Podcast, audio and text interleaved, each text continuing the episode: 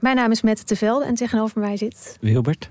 En ik heb vrij veel last gehad van neerslachtigheid, eigenlijk nog steeds wel in het leven. En depressies. En volgens mij gaan we dat proberen op te lossen. We gaan jou redden. En de rest van de mensen. En de toch? rest van de mensen. Ja. Wie redt Wilbert? Dat is de vraag.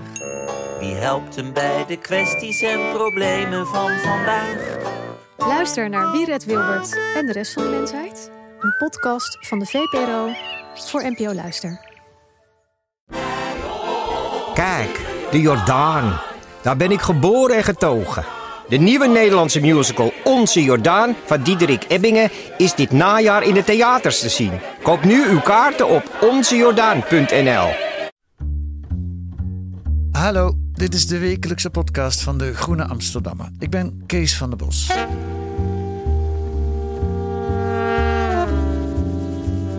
We zijn met bijna 8 miljard mensen op deze wereld.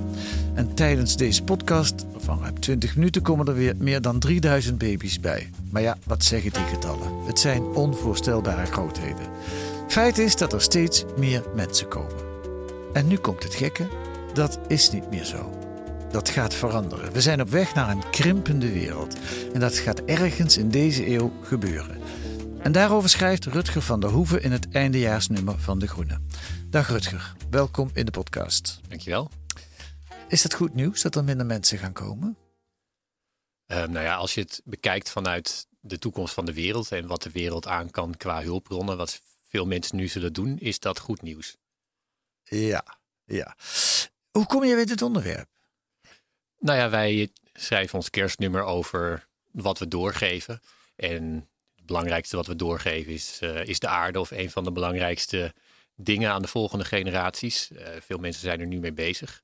Eh, ik schrijf ook een ander stuk in het kerstnummer, maar dit is heel concreet ja, wat, we, wat we doorgeven en aan hoeveel mensen we dat doorgeven.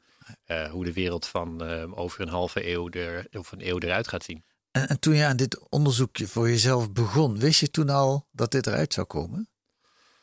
Ehm, ja, ik had wel gelezen in het afgelopen jaar over een, ehm, over een boek. Of ik had twee recensies gelezen over twee boeken die gingen over een toekomst waarin de wereld eh, niet meer zou groeien in bevolking of zelfs zou gaan dalen. Oké, dus, Dus dat was ook de aanleiding om het te doen, neem ik aan. Ja.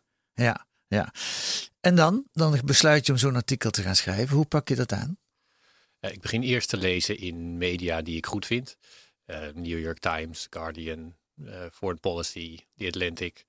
Ehm, dan ga ik, eh, probeer ik een beetje zicht te krijgen op het, op het onderwerp. Probeer ik ook te kijken wat boeken zijn die interessant zijn.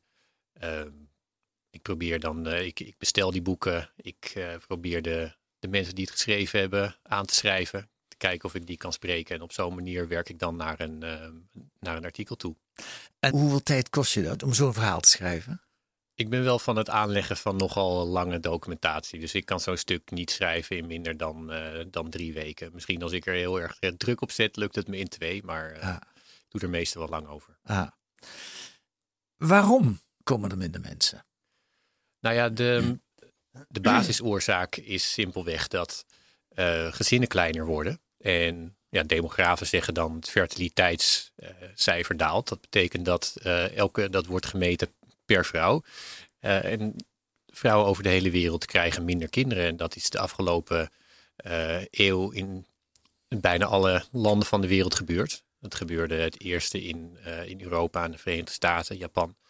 Maar andere landen die eenzelfde soort economische ontwikkeling hebben doorgemaakt, daar gebeurt het ook. Eh, overal is dezelfde trend te zien dat, eh, dat vrouwen minder kinderen krijgen. En in veel landen is dat al onder het zogeheten vervangingsniveau gedaald.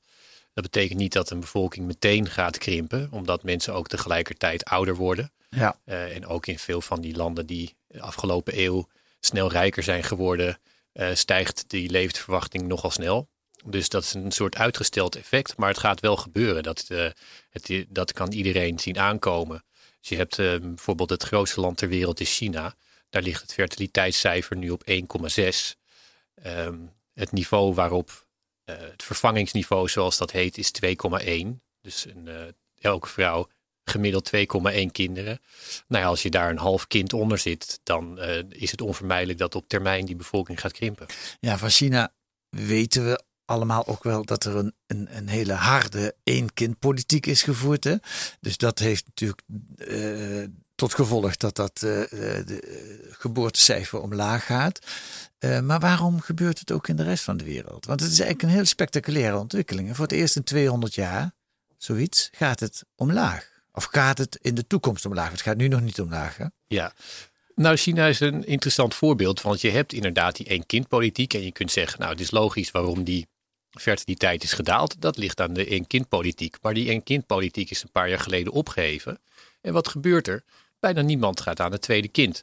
Um, en die één-kind-politiek in China is ingevoerd in decennia, waarin China eigenlijk als het een, als, als het een, uh, een land was geweest zonder bevolkingspolitiek, waarin waarschijnlijk ook uh, levensstijlveranderingen zich hadden voltrokken, hm. die ertoe hadden geleid dat mensen minder kinderen zouden willen. En in andere landen van de wereld gebeurt dat dan zonder bevolkingspolitiek, maar daar gebeurt hetzelfde. En het interessante is dat er, er zit iets in het moderne leven wat een, een mix geeft die in alle landen anders is, maar ook overal hetzelfde uitwerkt, namelijk minder kinderen. En een van de oorzaken is natuurlijk dat mensen uh, rijker worden, uh, dat kindersterfte lager ligt. Dus mensen hoeven ook niet meer ehm, veel kinderen te krijgen, omdat ze ervan uit kunnen gaan dat er uh, in ieder geval een paar zullen sterven. Hm. Maar mensen gaan ook naar steden. Verstedelijking is een heel belangrijke factor in steden. Zijn kinderen een zwaardere economische belasting dan op het platteland. Ehm, er zijn ook andere levensstijlveranderingen, mentaliteitsveranderingen. In sommige landen wordt de daling van het fertiliteitscijfer gelinkt aan populaire televisieseries die het leven verheerlijken zonder kinderen of met weinig kinderen. Brazilië schijnt dat te In Brazilië, ja, de telenova. Ja. In andere landen wordt er sterk gewezen naar uh, werkdruk, carrièredruk, lange werkdagen uh, voor werkende mensen en ook vrouwen die de arbeidsmarkt intreden. Uh, in weer andere landen kampen mensen met schulden en stellen daardoor gezinsvorming uit. Dus er zijn in, in heel veel landen verschillende factoren. Uh, maar je hebt natuurlijk ook um, de bucketlist, uh, individualiteit. Mensen die een, uh, hun eigen leven proberen in te richten op ervaringen en op um, een rijk leven leiden en minder op voortplanting, zoals ja. het technisch heet, gezinsvorming. Dus er zijn allemaal dingen die samenwerken en die onder de streep betekenen kleinere gezinnen, minder baby's. Ja. Oké, dit, dit gegeven knaagt aan een beeld wat wij allemaal in ons hoofd hebben, namelijk een fataal beeld van een, een, een kleine aarde, een beperkte aarde, waarop steeds meer mensen komen tot het barsten, tot de aarde het niet meer aan kan. En dat beeld, dat is in 1968 beschreven door Paul Ehrlich. Jij schrijft ook in je artikel, als je het over overbevolking hebt, kan je niet om hem heen. De Population Bomb een Stanford hoogleraar en hij voorspelde uh, hongersnoden omdat er nooit genoeg voedsel geproduceerd zou kunnen worden voor de explosieve bevolkingsgroei. De New York Times die keek een aantal jaren geleden terug op de commotie die Paul Ehrlich in uh, eind jaren 60, 1968 teweegbracht. Overpopulation, so long predicted, has stolen upon us. It's getting worse week by week. In the 1960s, a new kind of fear began to spread across America. The U.S. could be busting out at the seams by the end of the century. If we do not, by humane means, limit our numbers, then numbers are going to be limited by more famines and shortages and consequent social conflicts. Sometime in the next 15 years, the end will come. And by the end, I mean an utter breakdown of the capacity of the planet to support humanity. En die laatste woorden waren meneer Eerlich zelf. En dat is niet mis. Binnen 15 jaar, en dat was uh, eind jaren 60, voorspelde hij enorme catastrofes. Um, en zijn voorspellingen, dat zit ook al in het stukje, dat was niet zomaar een boek wat uitkwam. Dat, dat, ging, dat, was, dat ving de tijdgeest eigenlijk. Hè? Ja, dus het is, er zitten een aantal interessante aspecten aan. Ten eerste kun je zeggen, ja, Paul Eerlich die warmde een oud idee op. Dat idee was van Robert Malthus. Ja. Uh, die, die zei al van, nou, de, de, er is een constante eb en vloed, zou je kunnen zeggen, van bevolkingsgroei en hongersnoden. En uh, de bevolking van de wereld wordt in toom gehouden, zou je kunnen zeggen, door de, door de voedsel die wordt geproduceerd. En Malthus zei dat, laten we dat dan ook even vaststellen, rond 1800. En toen waren er nog geen miljard mensen op de wereld. Maar hij is een beetje de vader van het idee. Hè? De vader van het idee. En Ja. dat heeft Paul Ehrlich toen opgewarmd, zou je kunnen zeggen. En het is inderdaad een boek waar die, eh, het hele issue vaak aan wordt opgehangen. Het is net zoiets als de, de Club van Rome voor milieuvervuiling of El Gore voor eh, klimaatverandering. ongeveer dezelfde tijd als de Club van Rome. Nou ja, die kwam vier jaar later. Maar Ja, en wat hij, wat hij deed is dat hij dat, dat sorry, die bevolkingsgroei, Ja. die presenteerde hij heel erg als een, eh, als, een, een heel, als een rampzalig probleem. Maar hij deed dat ook in, in oorlogstermen. En die mentaliteit heeft heel erg wortel geschoten. Hij had het natuurlijk over de population bomb. Hij heeft het over eh, bevolkingsexplosies. Eh, de rampen die hij voorspelde, daarvan zei hij... ja, we kunnen... eh, wat we nu ook doen, dat gaat gebeuren. Honderden miljoenen mensen gaan dood. En dat idee van, van rampen die er, die er samenhangen met bevolkingsgroei... dat heeft heel diep eh, wortel geschoten. Ik kan het me ook nog wel herinneren van mijn eigen schoolboeken. Als iets wat heel bedreigend is en heel erg... en wat eh, onvermijdelijk eh, op afzienbare termijn tot iets heel ergs gaat leiden. Nou, die, ehm, eh, die doden, die hongersdoden, die zijn er niet gekomen. Maar hij zegt... niet in die eh, aantallen als hij voorspeld heeft. Nee, maar eh, mondiaal gezien was dat gewoon een verkeerde voorspelling. Het Ja. was niet zo dat eh, de bevolking van de wereld is gelimiteerd door de hoeveelheid voedsel. Zo simpel is het gewoon. Maar hij zegt, ik had wel gelijk, want er is een enorme bevolkingsexplosie gekomen. En in die zin heb ik dat goed voorzien. Maar dat alarmisme wat er omheen hangt, dat, heeft, ja, dat hangt toch ook wel heel erg samen met hoe hij dat heeft gepresenteerd. En dat hoor je ook in het fragment heel erg terug. Dat er heel erg ehm, eh, in, in ideeën van, van doem en, eh, en, en rampen over na werd gedacht. En dat hangt er toch nog steeds wel omheen. Ja, het sloeg geweldig aan in India. Er waar een, een, een, een campagne eh, waar 8 miljoen vrouwen gesteriliseerd zijn. Dat is nog wat anders dan de één-kind-politiek in China. Eh, onder andere gebaseerd op de ideeën van. Hè? Ja, dat is wel, eh, dat, wordt een, dat is een van de beruchtste voorbeelden. Die wordt aangehaald als je het hebt over, over bevolking en bevolkingspolitiek. Eh, de andere zijn natuurlijk de nazi's, maar er zijn nog andere voorbeelden ook. Maar inderdaad, dat is in de jaren zeventig gebeurd. Dus eigenlijk ja, bijna onvoorstelbaar dat dat eh, op zo'n schaal is gebeurd. eh, nog maar vrij recent geleden. Ja, wat was het in de 70 jaren? Ja. Ehm, de nazi's, je noemde het al, dat is eigenlijk de, de derde eh, ic- iconische beeld wat je bij, over, bij bevolkingspolitiek eh, naar boven krijgt. Hè. De nazi's wilden het Germaanse ras bevorderen en, en, en, en, en de Joden moesten vernietigd worden. Ehm, dat heeft ook een enorm taboe gelegd op het praten over, eh, over bevolkingspolitiek. Mag je dat wel doen? Nou, daar wil ik ook een voorbeeld van laten horen. Laatst, nou ja, een paar maanden geleden, was er bij CNN een eh, mogelijkheid van kiezers om vragen te stellen aan presidentskandidaten. De, beurt was aan Bernie Sanders. En een zekere Martha, de mevrouw, de lerares, die vroeg... eh, meneer Sanders, de afgelopen 50 jaar is de wereldbevolking verdubbeld. Dat kan de planeet niet meer dragen. Durft u het aan om over bevolkingspolitiek te praten? Ook al ligt dat heel gevoelig. Well, Martha, the answer is yes. and the answer has everything to do with the fact that women in the United States of America, by the way, have a right to control their own bodies and make reproductive decisions.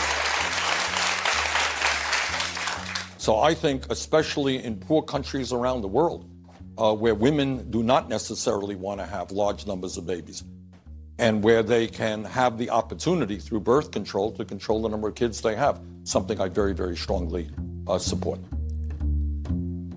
En dit heeft Bern- Bernie Sanders op veel kritiek eh, opgeleverd. Hij maakt ook weer die link met vooral arme mensen krijgen veel kinderen. Dus daar moeten we vooral aan geboortebeperking doen. Ja, er zijn hier een aantal dingen interessant aan dit, eh, aan dit fragment. Een van de dingen is inderdaad dat hij zegt, nou in de Verenigde Staten mogen eh, vrouwen natuurlijk doen wat ze willen, die hebben dat recht, maar vooral in arme landen zou dat eigenlijk niet moeten gebeuren. Ja. En ehm, iedereen denkt dan aan Afrika, want Afrika is het enige continent waar eh, kinderen gaan, eh, wat, wat hard gaat groeien in, in demografisch opzicht. En zeggen dat, ehm, eh, dat het best is dat wij onze kinderen krijgen, maar dat er vooral geen Afrikaanse kinderen bij moeten komen. Dat is natuurlijk wel een heel erg touchy en, en riskant onderwerp. Dus daar kwam hij zelf mee in de problemen. Nu is het zo dat dit onderwerp ook historisch gezien uh, sterke link, uh, links heeft, uh, zou je kunnen zeggen, met rassendenken. Dus bevolkingspolitiek is daar heel vaak aan, aan gekoppeld. Met name ook in de Verenigde Staten. Je had daar um, na de burgeroorlog was er grote, grote angst in het, in het zuiden dat er ook een soort population bomb idee, dat daar een, een heel groot probleem lag met de, de, de verhouding tussen de zwarte en witte bevolking. Dat vond dan de, de, witte, de witte bovenlaag en politici. En er zijn veel politici geweest in de Verenigde Staten die over bevolking hebben gesproken in hele alarmistische termen. En de, de machtigste, de bekendste is Teddy Roosevelt, was ook eh, president aan het begin van de 20e eeuw. En hij had het erover dat ehm, het witte ras uh, rassen zelfmoord pleegde en dat het hebben van weinig kinderen, die fertiliteit lag toen op 3,5. Dus ja, dubbel zo hoog als nu. Maar hij vond dat al een, uh, een rassenzelfmoord. En dat kon je toen openlijk zeggen, begin van de vorige eeuw. Daar kon je president mee worden. Ja, dat was uh, destijds was, uh, was praten over rassenverhoudingen en over rassenproblematiek was een, was een openlijk onderwerp. Het was natuurlijk niet een, ehm, ja, het was wel een controversieel onderwerp. Maar het was toch iets waar hij, ehm, ja, wat hij aanroerde en waar, waar hij veel stemmers mee kreeg. En wat in de Verenigde Staten werd de, ja, werden de rassenverhoudingen als een, uh, besproken als een politiek onderwerp. Wel een, wel een heikel punt, maar hm. heel anders dan nu. En uh, nou ja, de, de verdere geschiedenis, in de, we, we, kwamen er al bij met de nazi's, heeft het, het onderwerp nog verder besmet. En de mensen die ik sprak over bevolking, en wat je ook leest, uh, wat demografen schrijven, is dat ze het jammer vinden dat het, het hele onderwerp zo besmet is geraakt. Enerzijds door het ehm, ja, bevolkingsexplosie-idee en uh, alles, alles is rampzalig. En anderzijds het idee dat je niet over bevolking zou uh, moeten kunnen nadenken en over, over hoe de wereld er eigenlijk uitziet, wat trends zijn omdat nadenken over bevolking alweer echo's oproept van bevolkingspolitiek. Ja. En daarmee met heel fout gedachtegoed. Ja, maar wat vind je dan? Kun je wel, zijn er voorbeelden van, kun je bevolkingspolitiek voeren? Nou, wat Bernie Sanders uh, aanraakt, is, is weer, dat weer een ander aspect. In de Verenigde Staten is een van de meest omstreden uh, zaken van buitenlands beleid, is of er um, uh, Amerikaans overheidsgeld moet gaan naar organisaties die ehm, gezinsplanning mogelijk maken. En dan gaat het gewoon soms over voorlichting of voorbehoedsmiddelen. laat staan uh, abortus mogelijk maken. Maar dat is al uh, een heel heikel punt. En Trump heeft daar uh, probeert erg de, de christelijk rechtse kiezer te, te bedienen door dat terug te draaien. En daar refereert hij aan. Ja. En je zou kunnen zeggen, ja, voorlichting en toegang tot voorboedsmiddelen is natuurlijk niet iets wat, ja, wat je zou moeten gaan beschouwen vanuit dit foute gedachtegoed. Maar Ja. eerder gewoon vanuit keuzevrijheid eh, en, en mogelijkheden van, van vrouwen en mensen over de hele wereld. Ja. Japan, daar hebben ze volgens mij het langste ervaring met, eh, met een eh, lage fertiliteitsgraad. Ehm, want het geeft weer een nieuw probleem. Onze economie, de kapitalistische economie, is gestoeld op groei, op permanente groei. Dat wordt een probleem. Ja, dat is inderdaad. ehm, eh, dat is nu een helder probleem. Althans, dat, eh, dat denk ik wel. Daar heb ik over gelezen en iemand over gesproken. Ehm, we hebben een, een, een kapitalistisch systeem wat, eh, wat gebaseerd is op het idee je investeert vandaag. En daar heb je dan morgen, eh, krijg je daar ehm, eh, return on investment over. En dat kun je weer opnieuw investeren of je kunt dat gebruiken als loon. En zonder groei raken we, raakt onze economie in het slop. Hebben we grote problemen. Ja, je ziet dat zodra er geen sprake is van economische groei, in Nederland bijvoorbeeld, dan wordt dat als heel erg eh, problematisch gezien, omdat dat betekent dat onze schuldenproblematiek eh, meteen veel erger wordt en andere de economische eh, en andere manieren komt onze staatshuishouding en de economie in de problemen als er geen groei is. Hm. En ik ben geen, eh, geen specialist op, het, eh, op dat onderwerp, maar ik kan wel lezen dat, dat er nogal wat economen zijn die zeggen we zouden moeten nadenken over een economisch model wat niet groei vereist om, eh, om gezond te zijn. En als Hm. je kijkt naar de toekomst van de wereld, dan is demografie een van de heldere factoren waarom je daarover na zou moeten denken omdat we toegaan naar een wereld waar de bev- wereldbevolking niet meer groeit, maar lichtjes af gaat nemen. En in sommige landen gaat het zelfs sterk afnemen. Nou, hoe zouden die een gezonde economie kunnen krijgen, eh, kunnen houden? Als je, als je bevolking krimpt, dan is het duidelijk dat in ieder geval de consumptie niet kan gaan groeien. Wat toch in de meeste kapitalistische landen de motor van de economie is. Dus het zou heel erg mooi zijn als we daar een oplossing voor konden verzinnen. En dan ook een beetje snel graag. Hebben ze daar in Japan al over nagedacht? Uh, ja, Japan wordt, uh, wordt vaak uh, als een soort voorbeeld hierbij aangehaald. Omdat Japan uh, heeft al inderdaad langer een krimpende bevolking. En Japan heeft niet alleen een laag fertiliteitscijfer. Duitsland heeft dat bijvoorbeeld ook. Maar Japan heeft ook een hele lage immigratie. En daarom krimpt de bevolking daar. Um, in Japan is daarop gereageerd door heel veel investeringen in technologie. Die allerlei taken van werkenden overnemen. Dus uh, robotisering, uh, automatisering van de zorg. En uh, mogelijk maken van, van ouder worden zonder dat dat te veel of de, zonder dat dat veel arbeid vergt aan zorg. En dat ehm, ja, de, de Japanse economie staat stil. En je zou kunnen zeggen, nou dat is vanuit economisch opzicht uh, een probleem. Maar Japan is nog steeds een heel erg rijk land. Hm. En de, de welvaartsstand ligt er ook hoog. Dus daarom zeggen mensen, nou ja, je kan aan Japan zien dat als je goed plant en goed nadenkt, dat er wel oplossingen voor zijn. Ja, ja. Tot slot, er is één continent waar absoluut geen sprake is van bevolkingskrimp, uh, Afrika. Uh, over, wat is het, 50 jaar geloof ik, is twee op de vijf wereldbewoners woont in Afrika. Uh, als de voorspellingen van vandaag kloppen. Ja, dat is waar. En, en, en, en uh, hoe komt dat? Ja, in Afrika hebben ze dus, uh, is, is die bevolkingskrimp gewoon nog helemaal niet aan de orde. Nee, en als je kijkt naar de bevolkingsopbouw van de wereld, dan ziet die er in Afrika eigenlijk als enige regio van de wereld normaal uit. Daar heb je een soort driehoek. Uh, zo zou een bevolking er idealiter uit moeten zien. Maar dat betekent dat er in dat wil Afrika... zeggen, laten we het even schetsen. Aan de, aan de top van die driehoek zitten een relatief klein aantal ouderen. En naarmate naar beneden, naarmate je jonger wordt, neemt de aantallen van de bevolking toe. Ja. ja. Maar in Afrika uh, heeft dus een, een, ja, zou je kunnen zeggen, een, een, een gezonde uh, bevolkingsopbouw. Alleen je weet dat er in Afrika de, uh, de leeftijd heel erg gaat toenemen, de levensverwachting. En omdat er zoveel jonge mensen zijn, gaat ook daar de bevolking groeien. Ook omdat de bevolkings- of de fertiliteit nog heel erg hoog ligt. Dus de, de meest gebruikte voorspellingen zijn van de Verenigde Naties. En die zeggen inderdaad dat er uh, uh, miljarden Afrikanen bij gaan komen tijdens deze eeuw. Totdat Afrika het uh, bevolkingsrijkste continent van de wereld is. Hm. Um, nu zegt de, de, zijn er nogal wat demografen die zeggen... ja, de Verenigde Naties die is daarin eigenlijk veel te... ehm, die voorspellingen zijn veel te hoog de Verenigde Naties die zegt, ja, wij kijken gewoon naar wat er in andere landen is gebeurd. En ja, dat, dat uh, die conclusies, die lessen, die projecteren op Afrika, dan kom je hierop uit. Hmm.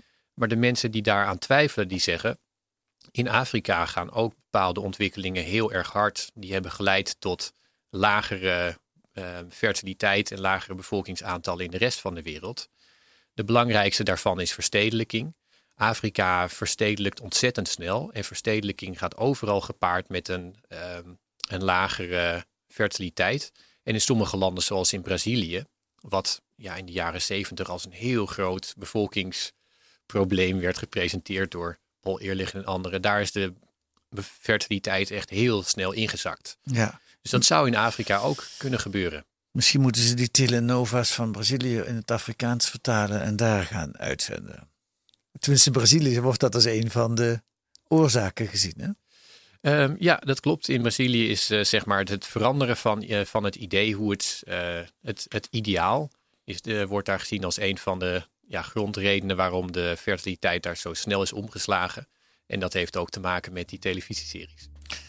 Goed, we gaan het zien. Wat, het, wat de voorspellingen zijn voorspellingen, wat het in de werkelijkheid gaat worden. Rutger van der Hoeven, dankjewel voor je toelichting. Graag gedaan.